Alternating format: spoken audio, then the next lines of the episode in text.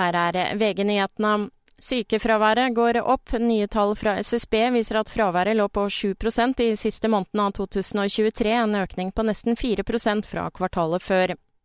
Det er i natt blitt gjennomført søk etter vrakrester fra helikopteret som i går kveld styrtet i havet vest for Sotra. Det bekrefter politiet. Kystvakten har deltatt i søket sammen med flere andre fartøy. En person mistet livet i styrten, og fem er skadet.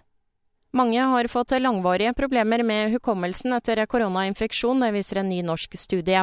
Ifølge studien, der 112 000 nordmenn deltok, kan opptil 40 000 av oss ha slitt eller fortsatt slite med hukommelse og konsentrasjon etter å ha hatt covid-19.